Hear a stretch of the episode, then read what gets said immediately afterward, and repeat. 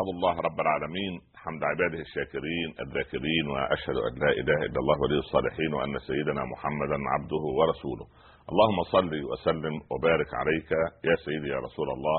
صلاة وسلاما دائمين متلازمين إلى يوم الدين. ثم أما بعد أحبتي في الله أبنائي وبناتي إخواني وأخواتي أينما كنتم في أرض الله أحييكم جميعا بتحية الإسلام. فالسلام عليكم ورحمة الله تعالى وبركاته. وبعد. كلما تحدث إلينا العلماء وكلما فتحنا كتاب الله سبحانه وتعالى لنتدبر آياته ونتلو ما فيه آناء الليل وأطراف النهار وعندما يحدثنا حبيبنا سيدنا محمد صلى الله عليه وسلم عن هذا المكان الذي تهفو النفوس إليه وترنو القلوب إليه ويتمنى أن يصل إليه كل إنسان عاقل يتمنى أن تكون يعني سعادته في هذا المكان بل ولن تكون سعادته إلا في هذا المكان. سماها ابن قيم الجوزية بلاد الأفراح. فما هي بلاد الأفراح؟ هل في الدنيا بلاد للأفراح؟ البلاد في الدنيا فيها مشاكل الناس بعضهم مع بعض فيها الأمراض والاسقام والاوجاع والمجاعات وظلم الغني للفقير أو مطل الغني أو المشكلات أو المؤامرات والدسائس الغيبه النميمه سبحان الله العظيم اليست هذه يعني يعني هذه هي واقع المشكلات أو هو واقع مشكلات الناس في هذا العصر لكن بلاد الافراح بلاد ليس فيها هم ولا غم ولا مشاكل ولا مرض ولا موت ولا أسقام ولا أوجاع ولا سبحان الله العظيم قال فيها رب العباد عز وجل لا يسمعون فيها لغوا ولا تأثيما إلا قيلا سلاما سلاما. لابد أن هكذا وضحت ما هي بلاد الأفراح ألا وهي الجنة. اللهم أدخلنا الجنة يا رب دون سابقة عذاب. دائما إذا تحدثنا عن الجنة اشرأبت النفوس وطمعت في أن تصل إلى هذا المكان وأن تعمل من أجل دخول هذا المكان الذي إذا رضي الله عن عبد أدخله في هذا المكان عندما خلقها قال لها طوبى لك منزل الملوك. هذا المنزل الأساسي الذي يعمل الإنسان من أجل دخوله. أنا أريد أن أسأل في هذه الحلقة سؤالا. ما هو العمل أخي المشاهد أختي المشاهدة أبنائي وبناتي وأنتم تشاهدونني الآن. ما هو العمل الذي تقدمه كل يوم وتسأل نفسك آخر اليوم؟ ما هو العمل الذي ترجو به الوصول إلى بلاد الأفراح الوصول إلى الجنة؟ يعني هذا المكان الذي تهفو إليه النفوس لما سئل عثمان رضي الله عنه متى تكون الراحة يا ابن عفان؟ قال ذو النورين رضي الله عنه عندما تجد قدمك اليسرى بجوار قدمك اليمنى داخل عتبة الجنة. وأبو بكر كان دائما في حالة من الخوف ويقول لو كانت إحدى قدمي داخل الجنة والأخرى خارجها ما أمنت مكر الله؟ قال عنها عمر لو نادى مناد يوم القيامة كل الناس في الجنة إلا واحدا لخشيت أن أكون هنا هذا الواحد. قال أبو ذر عندما حضرته المنية ليتني كنت كبشا أملح آه، يذبحني أهلي ثم يحتسوا مرقتي. سبحان الله. إلى هذا الحد يعني كان الصحابة سبحان الله عن أدبهم مع الله سبحانه وتعالى ومن خوفهم من الله عز وجل وصل بهم الحال أن يقولوا هذا الكلام. ولعل الرجل الذي جاء ليبشر عمر بالنصر في القادسية قال رأيت رجلا ساجدا في المحراب في محراب رسول الله صلى الله عليه وسلم ويبكي وهو ساجد ويقول يا رب لا إذن ببابك عائذ بجنابك لا تطردني من رحابك.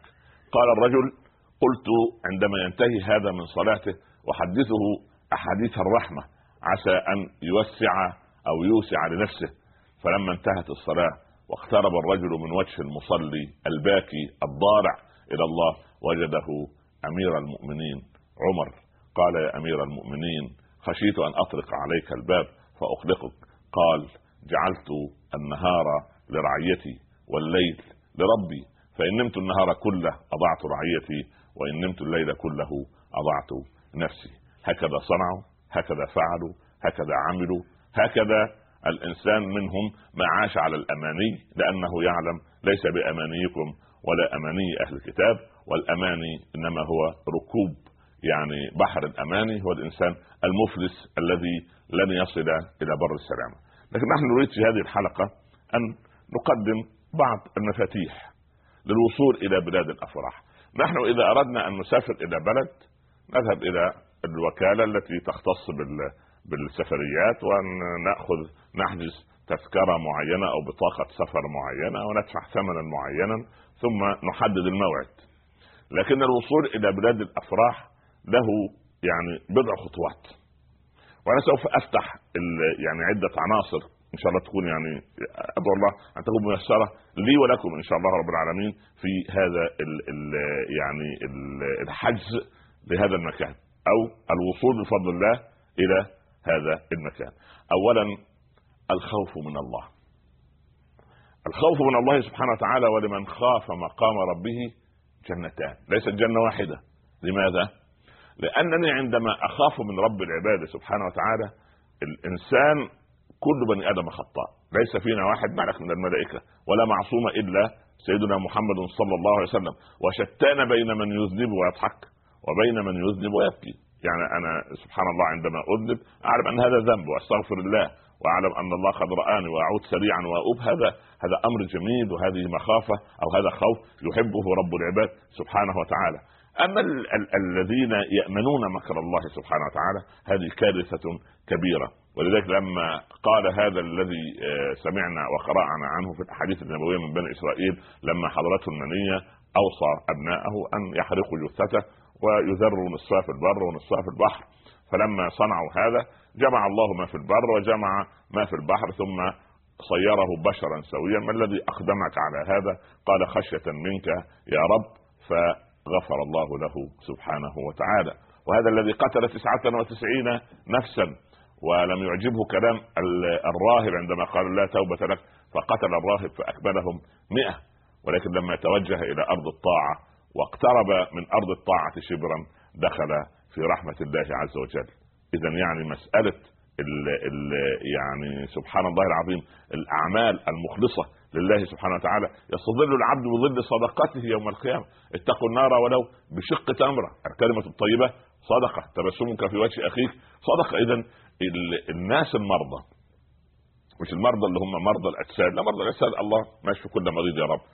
مرضى القلوب الذين أدخلوا الأمراض والأسقام على قلوبهم. يعني هو عبد بسيط سهل يعني من طين الأرض يتكبر على خلق الله وهو تنتنه عرقه وتقلقه بقه وتميته شرقه. يقول أنا أنا أنا.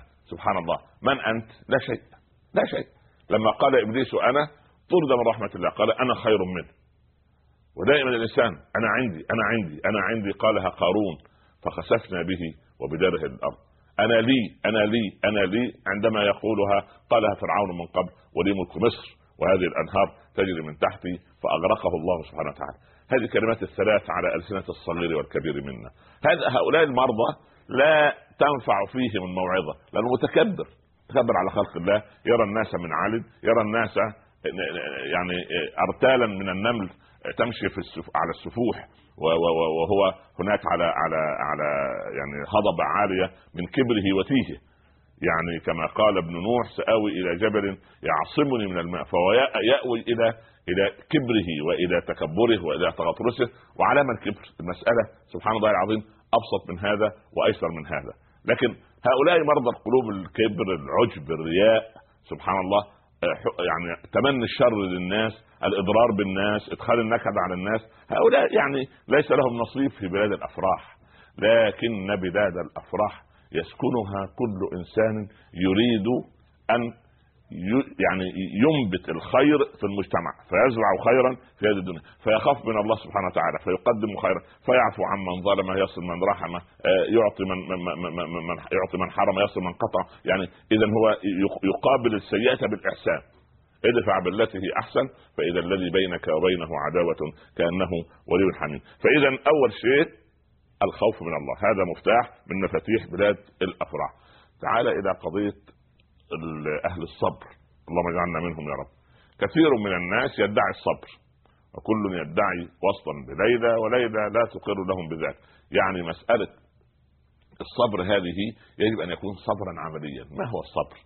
اولا أصعب أنواع الصبر على النفس الصبر على الطاعة. أن تواظب على طاعة الله هذا صبر صعب. ليه؟ لأنه لأنه ضد هوى الناس. سبحان الله. قال ربنا أولئك يجزون الغرفة بما صبروا بما صبروا. تجد شاب صالح في أسرة أو إنسان مستقيم في عائلة. الكل يسخر منه. آه، سيدنا الشيخ وصل. آه، سيدنا الشيخ حل. ستنا الشيخة مش عارف إيه. آه، فضيلة مش عارف لا إله من باب إيه؟ أن يسخر تسخر الأسرة بولدها التقي وبابنتها الصالحة عندئذ هذا إنسان يجب أن يصبر. لماذا؟ لأن الله قال في سورة المطففين إن الذين أجرموا كانوا من الذين آمنوا يضحكون. فلانة تحجبت. آه سبحان الله هذه إنسانة معقدة. فلان يصلي هذا إنسان عجيب سبحان الله. لكن إن الذين أجرموا كانوا من الذين آمنوا يضحكون وإذا مروا بهم يتغامزون وإذا انقلبوا إلى أهلهم انقلبوا فكهين لكن الله عز وجل وهو العدل سبحانه وتعالى والرحمن الرحيم في بلاد الأفراح تتعدل المساله اليوم يوم القيامه يعني الذين آمنوا من الكفار يضحكون. سبحان الله. الذين آمنوا آه المؤمنين هم اللي يضحكوا من الكفار. لماذا؟ لأن المهم اللي يضحك في نهاية المطاف. لأن الناس سبحان الله بالغلبة وبال سبحان الله ابدا ولكن ليست القضية بالغلبة ولكن القضية بتقوى الله وبطاعة الله سبحانه وتعالى. فأنا أريد أن أقول للسائرين على طريق الله اصبروا واحتسبوا. ليه؟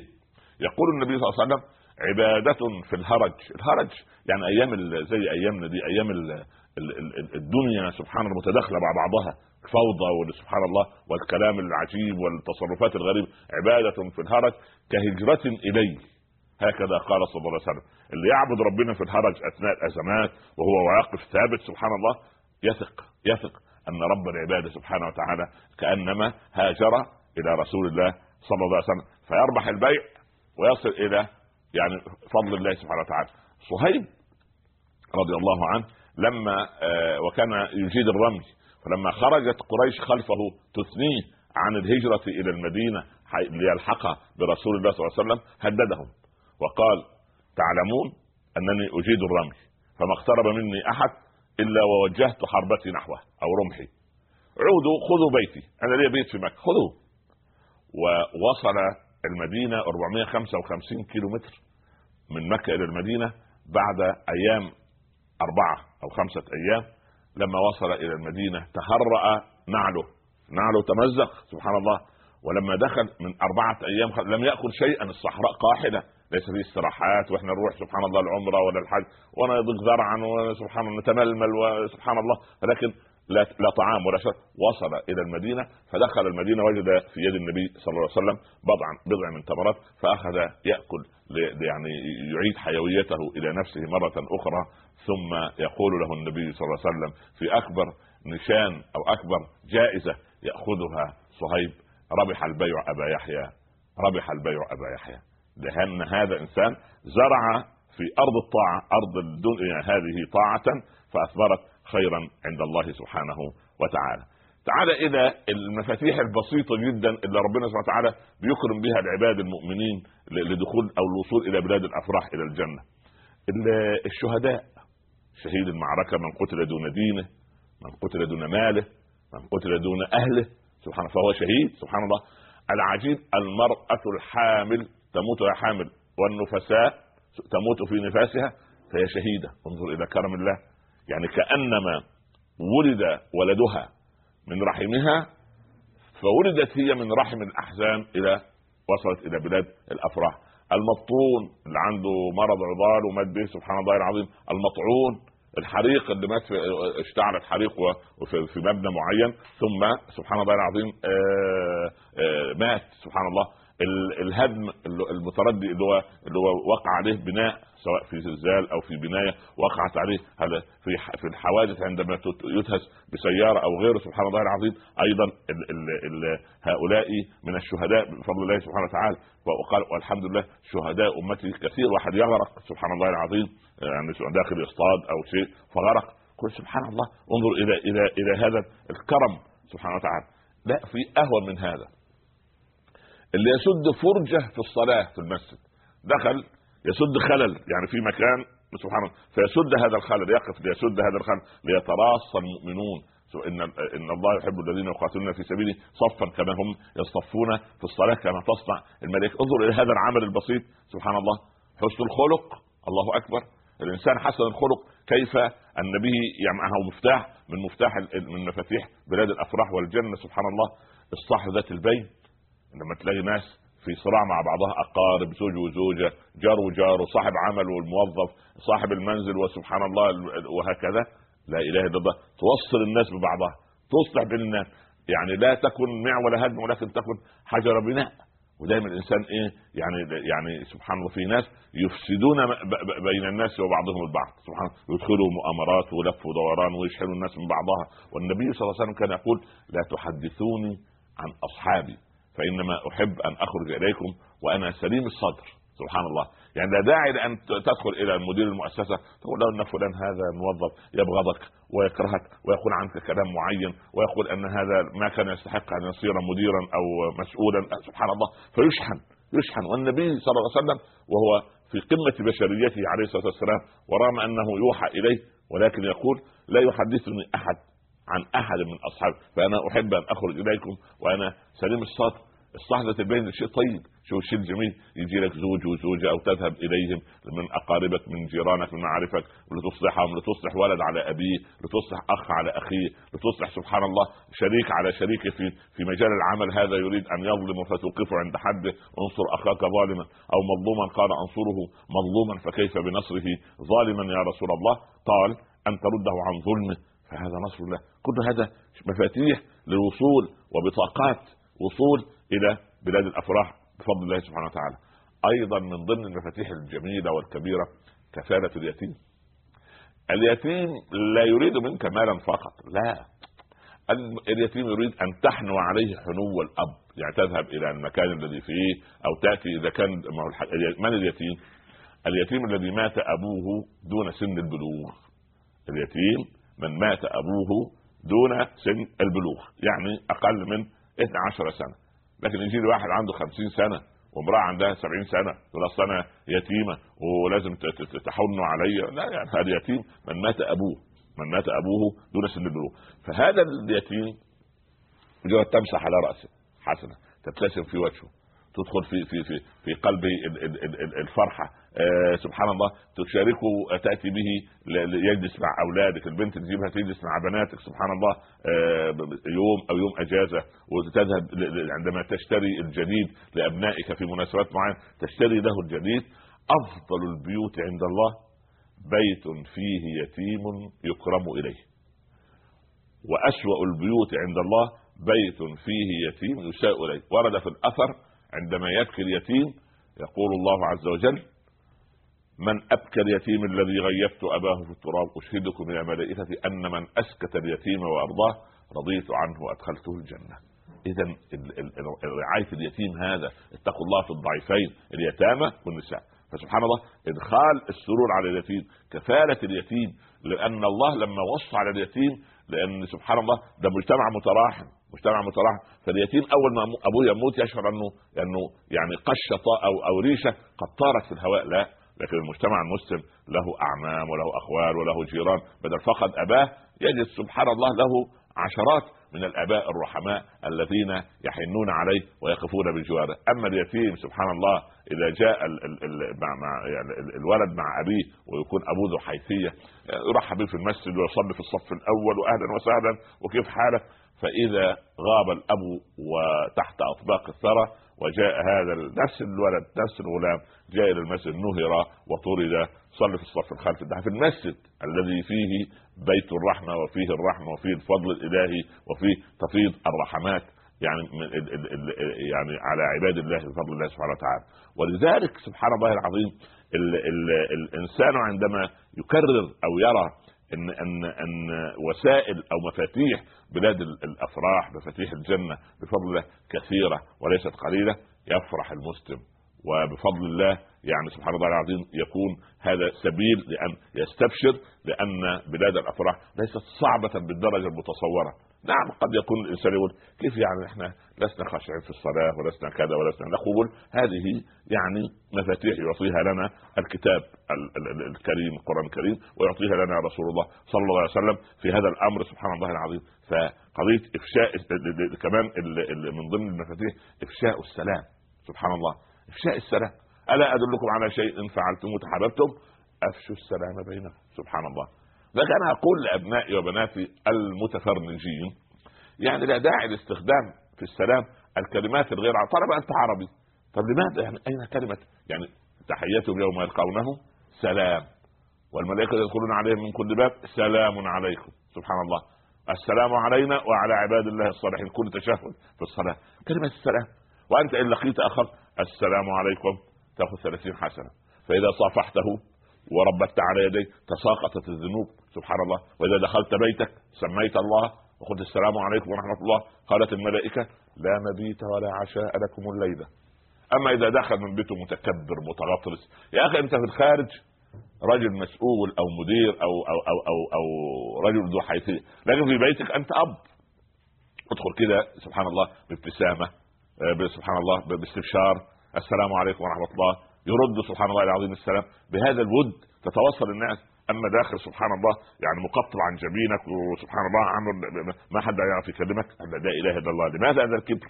يا والله المتكبرون هؤلاء أبعد الناس عن بلاد الأفراح أبعد الناس عن الجنة. لا يس لا يجاورني فيك بخيل ولا متكبر. لا يدخل الجنة من كان في قلبه مثقال ذرة من كبر. والكبر ليس كبر يعني أن أتعالى عليك هكذا بمنظر أو لا الكبر أن أرفض الحق وإن كان بينا. الحق واضح. لا لا لا لا. كلامك لخبط لا أنا أرى كذا وإن وجهه نظري كذا ويكابر ويعاند أخي سبحان الله الكبر يعني هذا هذه صفة خطيرة لأنها صفة من صفات الله. الكبرياء إزاري والعظمة ردائي فمن نازعني فيهما أدخلته ناري ثم لا أبالي. اذا المسلم سبحان الله في قضية إفشاء السلام يعني ادخل بناية معينة. السلام عليكم ورحمة الله. ماشي في الطريق لقيت واحد بيبتسم لك. السلام عليكم يا أخي سبحان الله ألقوا السلام أفشي السلام على من عرفت. وعلى من لم تعرف. سبحان الله. على من عرفت وعلى من... ليه؟ لأن السلام هذا يوصل الناس بعضها ببعض. فإفشاء السلام هذا قد يعني إيه؟ يعني سبحان الله لا يحل لمؤمن أن يهجر اخاه فوق ثلاث ثلاث ليالي يعني. ده في زوجات وأزواج من سنتين ما تحدث أحدهم مع الآخر.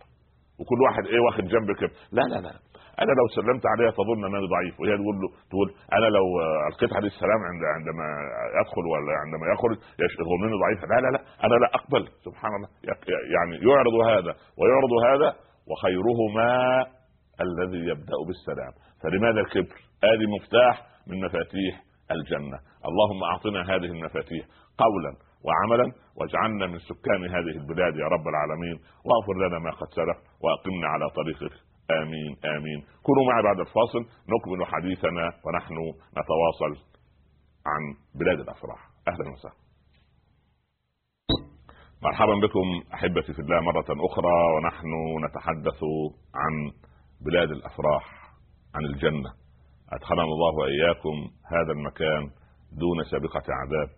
هو ولي ذلك والقادر عليه. فاللهم عاملنا بفضلك ولا تعاملنا بعدلك. إن لم نكن أهلا لرحمتك فرحمتك أهل أن تصلنا. يا رب العالمين. تحدثت عن بسيط قضية إفشاء السلام. أيضا إطعام الطعام الكريم الذي فتح داره لهذا وذاك. إطعام الطعام للغني وللفقير يعني سبحان الله.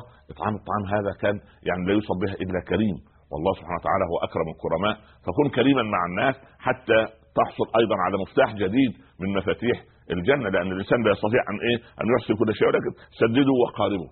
أيضا من أكبر المفاتيح للوصول والبطاقات للوصول إلى بلاد الأفراح الصلاة على رسول الله صلى الله عليه وسلم.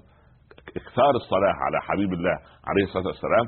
هذا من باب باب كبير وواسع وضخم سبحان الله وكثير من الناس يقلون أو من المقلين إيه، في قضية الصلاة على الحبيب المصطفى صلى الله عليه وسلم. مع أن إحنا مأمورين إن الله وملائكته يصلون على النبي. يا أيها الذين آمنوا صلوا عليه وسلموا تسليما. من المفاتيح الجميلة للدخول أو للوصول إلى بلاد الأفراح صلاح الوالدين. ربنا سبحانه وتعالى في سورة الكهف قال وكان أبوهما صالحا. والذين آمنوا واتبعتهم ذريتهم الحقنا بإحسان. الحقنا بهم ذريتهم. الحقنا بهم ذريتهم. سبحان الله. وما ألتناهم من عملهم من شيء. يعني لما يكون الأب والأم صالحين سبحان الله العظيم. وأيضا الأبناء لما نحن نحفظهم القرآن وسبحان الله ويقف على باب الجنة ويلبس الأب والأم تاج الكرامة وحلة الشرف سبحان الله. فهذا هذه اشياء سبحان الله العظيم يعني تجعل الإنسان يكون صالحا حتى يورث الصلاح للأبناء وللبنات سبحان الله. وهذا من كرم الله سبحانه وتعالى. أيضا من أعظم القربات إلى الله الحب في الله. أن تحب في الله وأن تبغض في الله. الحب في الله ده شيء عجيب سبحان الله. لماذا؟ النبي صلى الله عليه وسلم يوصينا إيه؟ إذا أحب إنسان أو أخ أخاه فليبلغه. على الذي يبلغه يقول له والله يا أخي أنا أحبك في الله. يقول له أنا يعني أحبك الله الذي أحببتني فيه.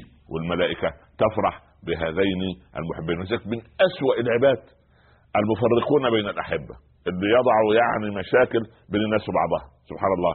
يعني يصل بالأمر أن الأخ يقاطع أخاه والزوج يطلق زوجته والجار يخاصم جاره والزميل يسأل ليه؟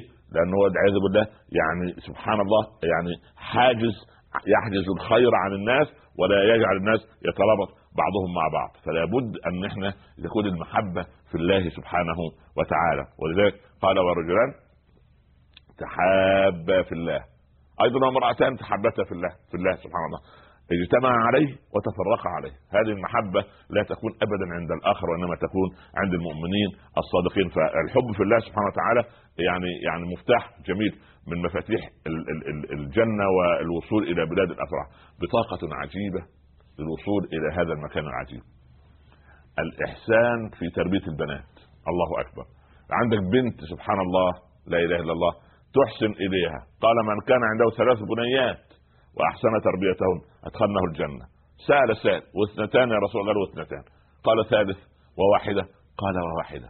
العجيب في تربية البنت لما تحسن تربيتها البنت محبة لأبيها ولأمها وهي الحنونة التي تظل في هذا العطف والحنان مع مع مع سبحان الله مع أمها وأبيها إذا كبروا. ربما الولد غير ذلك في يعني ربما في يعني قضية خشونة الرجولة لكن في حنو الإيه حنو الأمومة سبحان الله. فتكبر وبعدين نزوجها. نكسب بها أسرة. يعني هي البنت تأتي لنا بأسرة. فنكسب أسرة مصهرة تأتي إلينا. وإن احسنا يقعد الزوج البنت يدعو لنا حتى بعد موتنا. رحمك الله يا عم يا من أحسنت التربية وسبحان الله عملت كذا وكذا وسبحان الله. فالبنت لما نحسن تربيتها سبحان الله نضيف في الدنيا لنا أسرة جديدة وفي نفس الوقت سبحان الله تكون حرزا لنا من الايه من النار. ولذلك آه، أنا أعجب من الذين يعني عندهم جلافة الطبع وسوء تعامل مع البنات بالذات من الآباء. والله فيه نساء أخوات عبرت الواحدة الستين والسبعين تقول يا شيخ أنا ما أذكر أن أبي مسح على رأسي مرة ولا احتضنني مرة سبحان ما هذه الجلافة؟ العربي أحيانا التقاليد بتاع البالي بعض تقاليدي المنافيه للدين بعض من تقاليد في تقاليد جميلة وعادات جميلة تتوافق مع الدين. في تقاليد عند بعض العرب للأسف يعني كأن الحنو على البنات ده ينقص من الرجولة. العيب أنا أشيل بنت أنا احمل بنت صغيرة لا لا لا هذه سبحان الله. فلا بالعكس. أنت كلما حناء يعني كل كل ما يكون فيك عطف وحنان على ابنتك سبحان الله كيف كان حنو النبي صلى الله عليه وسلم وعطفه على فاطمة؟ الزهراء أم الحسنين رضي الله عنها. سبحان كيف كان مع زينب ومع رقية ومع أم كلثوم ومع أمامة بنت زينب التي ماتت وكانت في السادسة آه، حفيدته بنت بنت ابنته زينب. كيف كان تعامله صلى الله عليه وسلم. فلماذا لا نأخذ هذه القدوة العجيبة؟ كان النبي صلى الله عليه وسلم لما لما يجني أول ثمرة من أي فاكهة أول ما يشوف طفل أو طفلة يعطيها له. سبحان يعطيها له. سبحان الله. خيركم خيركم لأهله وأنا خيركم لأهلي. سبحان الله العظيم. النساء شقائق الرجال فأوصى بالبنات خيرا. فأنت عندما تحسن إلى البنات سبحان الله العظيم هذه بطاقة لدخولك إلى بلاد الأفراح. نجمل تستطيع أن تجمل لكي يعني أعطيك مؤشرات في, قبل أن ندخل على الأسئلة. تصف أو يعني تخلق نفسك بأخلاق صفات عباد الرحمن.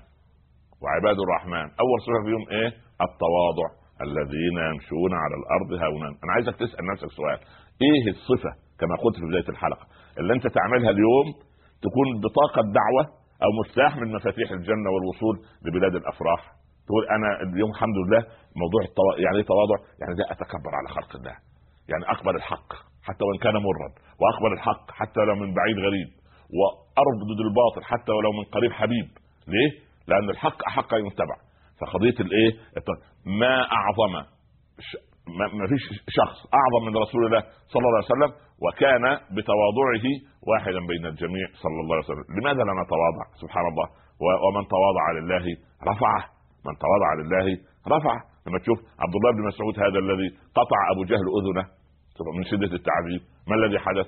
وقف في يوم غزوة بدر على صدر أبي جهل سبحان الله. عوض الله سبحانه إن الله يعز من يشاء بطاعته ويذل من يشاء بمعصيته. سبحان الله العظيم. فقضية التواضع هذه أول صفة من صفات عباد الرحمن. وعباد الرحمن الذين يمشون على الأرض هونا. الصفه الثانية إيه؟ قال وإذا خاطبهم الجاهلون قالوا سلاما الحلم. إحنا الجينات العربية ما عندناش حلم بصراحة. دايما منفعلين. أول رد عنيف. أول ما نكلم الولد عنيف. البنت رد عنيف. الجار الزوج مع الزوجة ما في يا أخي الرفق. ما دخل في شيء إلا زانه وما نزع الرفق من شيء إلا شانه. ينزع الرفق تجد البيت عبارة عن حريق. سبحان ما, ما يطاق. قبر. ولكن الحلم الحلم يعني سبحان الله ال ال ال ال هذه الصفة العجيبة التي تخلق بها الأنبياء والصالحون. هذه بطاقة ومفتاح جميل يعني تخلق بأخلاق الحلم سبحان الله. وبعدين الذين يبيتون إيه؟ بالليل سجدا وقياما. الناس تبيت على تنام على أسرة وهم يبيتوا إيه؟ سجدا وقياما. قاعدين ساجدين لله سبحان الله العظيم اللي هي إيه؟ صلاة الليل. يا سلام لو تجرب ولو ركعتين بس. أنا لا اطالبك أكثر من ركعتين. يا إما قبل بعد العشاء يا قبل الفجر. ويبدو الاتصالات بدأت. نبدأ بالاتصال الأول. الأخ أحمد من النمسا. السلام عليكم. وعليكم السلام ورحمة الله وبركاته. مرحبا. أه لو سمحت دكتور أنا بدي أسأل عن آه، تبني اليتيم. نعم. أنا عايش في النمسا وحاب أتبنى طفل يتيم جميل. فشرط إنه الطفل يكون من أبوين مسلمين ولا لا؟ بارك الله فيك يا ابني. آه، اولا يجوز لك أن تتبنى هذا الطفل وأنت في النمسا ولا وتنشئه على الإسلام وإن شاء الله رب العالمين ربنا هيبارك فيك ويكرمك كرم كبير إن شاء الله. ولكن في نقطة تواجد هذا الطفل في بيتك سوف يكبر يوما وتبقى مشكلة كبيرة لأن هذه الزوجة التي عندك ليست اما له. فيعني راعي هذه المسألة والموضوع له تفصيل إن شاء الله وربما إحنا نتحدث في هذا الموضوع إن شاء الله. آه، أيوه اتصال من أبو ظبي أختي مريم السلام عليكم. مرحبا سيدنا الشيخ. مرحبا وعليكم السلام وبركاته سيدنا الشيخ بغيتك آه، تدعي لي بالزوج الصالح والذرية الصالحة. يا رب يا رب. والحج والعمره الله أكبر. يا رب يا رب يرزقك هذا كله يا رب إن شاء الله بإذن الله. والله سبحانه وتعالى هو الكريم الذي يعطي وعندما يعطي لا يسأل من أعطى ولا كم أعطى. من فضل الله سبحانه وتعالى. يعني الله عز وجل عندما يعطي لأنه الكريم لا يسأل من أعطى ولا كم أعطى. آه، قلنا إن أيضا من من صفات آه، أو نقول من من من من صفات عباد الرحمن عدم التبذير وعدم التقتير. فيه ناس من المبذرين إخوان الشياطين والمسلمين إخوان والتقتير ولا تجعل يدك مبسوطة إلى العنق ولا تبسطها كل البسط. أيوه اتصال من أبو ظبي. أيوه أيوة السلام عليكم. وعليكم السلام. ورحمه الله وبركاته. ربنا يديك العافية. يبارك فيك يا بنتي. أريد يعني إنك توضح لي بعض الآباء يعني في البيوت ما يعرفوا يعني يفرقوا 200 يكونوا حازمين في البيت و200 يعني ينشروا الفرح والسرور في البيت يعني. بارك الله فيك يا بنت والله في خلط يعني في الحتة دي يعني الواحد إنه يكون حازم لازم يجي يكون مكسر يعني داخل بيته مكسر. أيوه أنت بارك الله فيك بارك الله فيك. الله. هو العربي قرن ما بين تقطيب الجبين والحزم. عشان يكون راجل مهم أيوة. لازم يقطب الجبين. أيوة عشان لو لو ضحك وابتسم يبقى ده راجل ضعيف والاولاد أيوة. يتجرأوا عليه أو أيوة. الاولاد لا بالعكس. أنا أقول للآباء وأقول للأزواج شتان ما بين الحزم وتقطيب الجبين. المسلم لا يقطب جبينه ابدا. كان النبي صلى الله عليه وسلم بسام المحيا وكان لا يغضب ابدا إلا إذا انتهكت حرمة من حرمات الله. لكن إحنا إحنا يعني واخدين على خطير أو يعني دايما مقطبين بسبب ومن غير سبب. ربنا يهدي الحال إن شاء الله. اتصال من سوريا الأخ شاهر. السلام عليكم. وعليكم السلام. السلام عليكم يا شيخ. وعليكم السلام ورحمة الله وبركاته. مرحبا. شيخنا الكريم بس آه، أنا سمعت في آه، إحدى البرنامج آه، حديث يقول فيما معناه يعني إنه لعن الله من جعل ولده يعقه. مم. أريد أن اعرف مدى صحة هذا الحديث يعني جزاك الله خير بارك الله فيك. لا هو اولا يعني ال يعني ال- قضية اللعنة هذه قضية خطيرة وأنا لم أسمع نص هذا الحديث من قبل. ولكن أقول أن يعني نحن يجب أن نعين أبناءنا على برنا. يعني أنا من الواجب أعين ابني على البر. اعين ولدي وبنتي على البر. يعني إيه؟ يعني لا أفسده بالتبذير ولا أفسده بالبخل. فالبخل والمبخله تفسد الولد عليا وتفسد البنت والتبذير والإسراف أيضا يفسده عليه لكن قال ربنا إيه؟ يعني سبحان الله يعني يعني يعني لم يقتروا ولم يسرفوا. ولذلك ربنا يعني نصحهم وقال إيه؟ وكان بين ذلك قوامة. ف فأرى يعني والله أعلم أن إحنا إن شاء الله رب العالمين نحاول أن نعين أبناءنا على برنا ونسأل الله أن يوفقهم للخير. أيوه من الشارقة أختي إيناس السلام عليكم السلام عليكم وعليكم السلام ورحمة الله وبركاته بارك الله فيك يا شيخ عمر وفيكم أهلا وسهلا مرحبا. أه، بس عايز أسأل حضرتك سؤال نعم. اليتيم فقط اللي هو فقد أه، أبوه بالموت ولا ممكن يكون مثلا إذا تركه أو انفصل عنه من من صغره ما رعاية، نعرفش نعم. عنه حاجة ما يعتبرش. يتيم بارك الله فيك بقى والله هذا يعني سؤال ينم عن ذكاء مفرط بارك الله فيك. اولا ال- اللي أبوه على قيد الحياة و... ولكنه لا يحتضن ولده ولا يوجد في حياته فهذا ولد لطيم وهو أسوأ من اليتيم والله اليتيم هو أبوه مات وخلاص.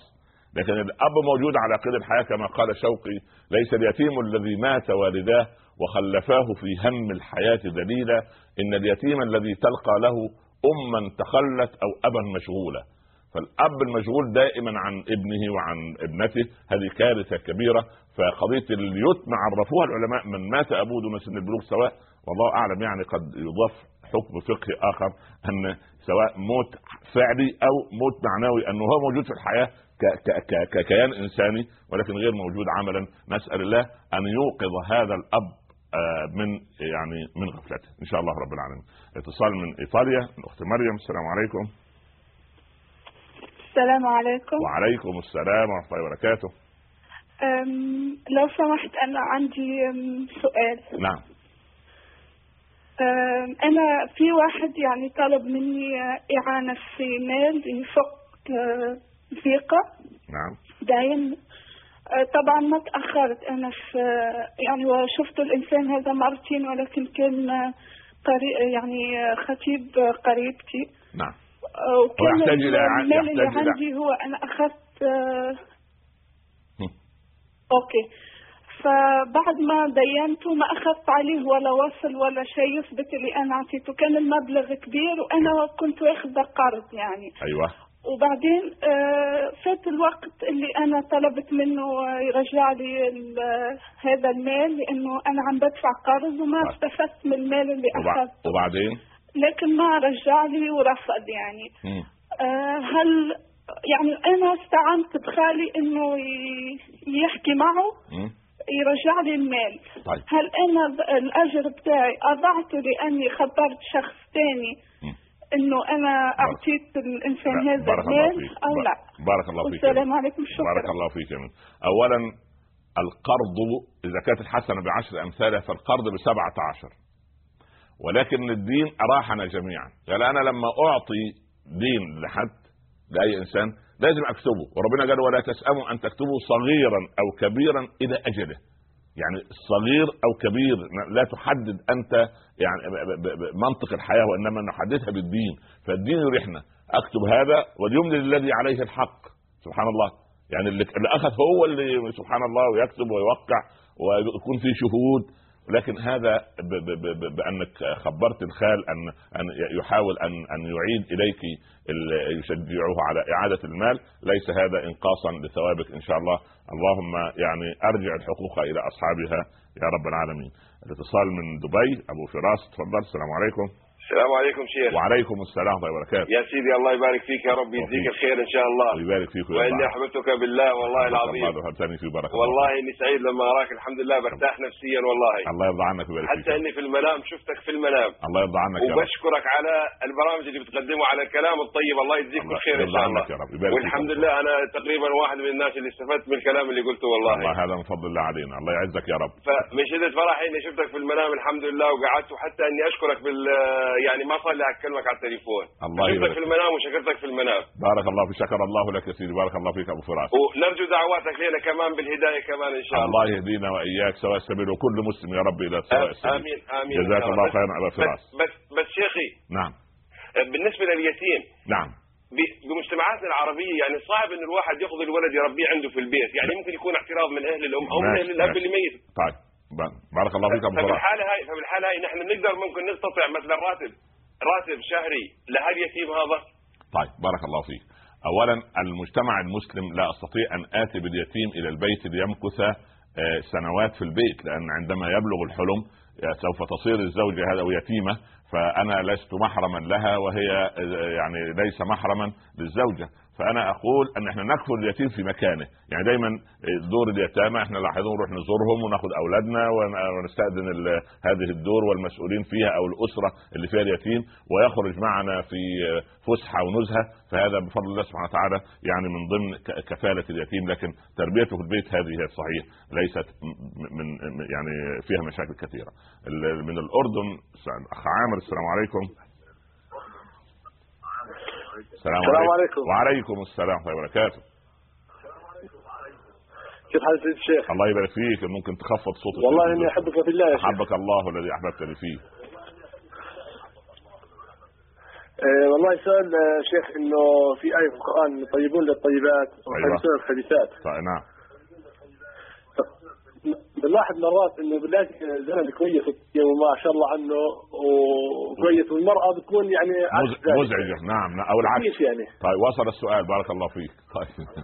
اولا كثير من الناس يقولون إن الطيبون للطيبات الطيبون من الناس الطيبات من من النساء. لا أنا والله أعلم يعني لي كده تأويل المسألة إن كان حسنا فمن الله وإن كان غير ذلك فمن الشيطان ومن نفسه والله ورسوله منهما بريئان الطيبون من الناس للطيبات من الحسنات والطيبات من الحسنات للطيبين من الناس والخبيثات من السيئات للخبيثين من الناس والخبيثون من الناس للخبيثات من السيئات.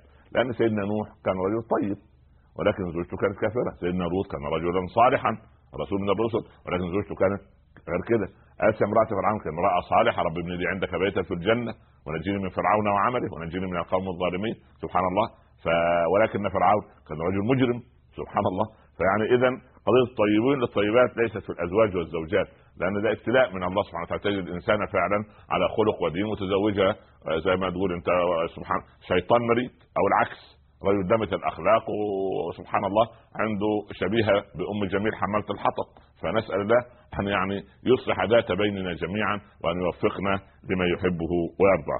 آه، أيضا من ضمن إلى أن يأتي اتصال آخر من ضمن ال- ال- المفاتيح ال- ال- الجنة والوصول إلى بلاد ال- ال- ال- الأفراح أن سبحان الله العظيم آه، ال- ال- الذين يجتنبون شهادة الزور. شهادة الزور الناس تظن إن شهادة الزور تخص المحكمة. لا. شهادة الزور تقول تقولها أنت في قضية بسيطة جدا في قضية أن ابنك جاي في مشكلة بينه وبين آه، زوجته وأنت تقف كده أمام أهل زوجة ابنك وتقول لا لا لا أنا ابني ملاك لا يخطئ ابني كذا ابني ربيته أحسن تربية.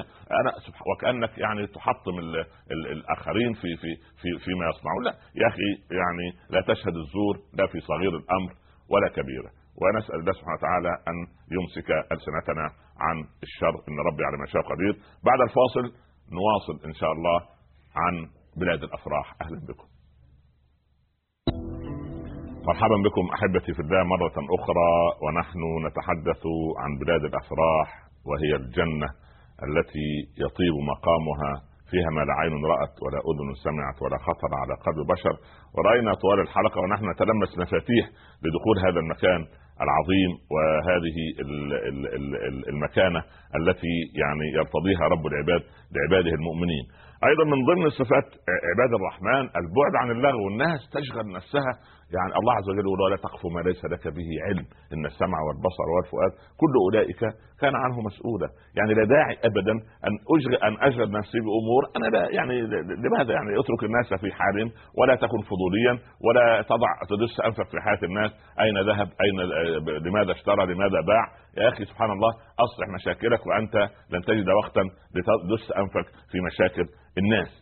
العجيب أن بطاقة أو مفتاح كبير من مفاتيح الجنة هو بسيط جدا وهو أن يدعو الإنسان بصلاح البيت وصلاح حال البيت. ربنا هب لنا من والذين يقول ربنا هب لنا من أزواجنا وذرياتنا قرة أعين واجعلنا للمتقين اماما. اذا الدعاء مهم الناس تقريبا من من لما يدعو دعاء معين ولا يجد استجابة فعندئذ يمل. ويقول يعني والله قد دعوت ولم يستجب فيستعجل. وينتهي عن الدعاء ولا أبدا. العبد سبحان الله يظل يدعو ويدعو. لماذا؟ لأن الله إذا أحب عبدا أخر عنه طلبه. فلما يأخر عنه الطلب الله سبحانه وتعالى فالعبد يلح في المسألة. لماذا؟ لأن رب العباد يحب أن يسمع صوت عبده اللحوح. إن الله يحب الالحاح من العبد. سبحان الله المسألة. يظل يدعو ويدعو ويدعو ولا يمل أبدا. سبحان الله.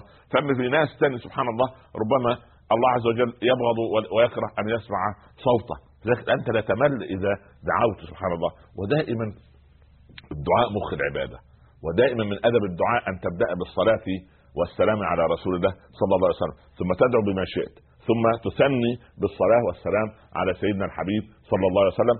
فالصلاتان مقبولتان. الصلاة الأولى على رسول صلى الله عليه وسلم مقبولة. الصلاة الثانية الله أكرم من أن يدع ما بينهم. لكن في نقطة.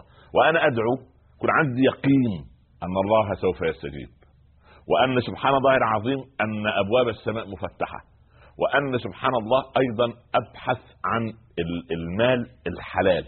البال المال الحلال يا سعد أطل مطعمك تكن مستجاب الدعوة. فوالذي نفس محمد بيده إن العبد لا يقذفه باللقمه الحرام في جوفه لا لا يستجيب له الله دعاء كذا وكذا. ويقول إيه؟ يعني سبحان الله يا رب كذا يا رب كذا مطعمه من حرام ومشربه من حرام ومأكله من كله من حرام.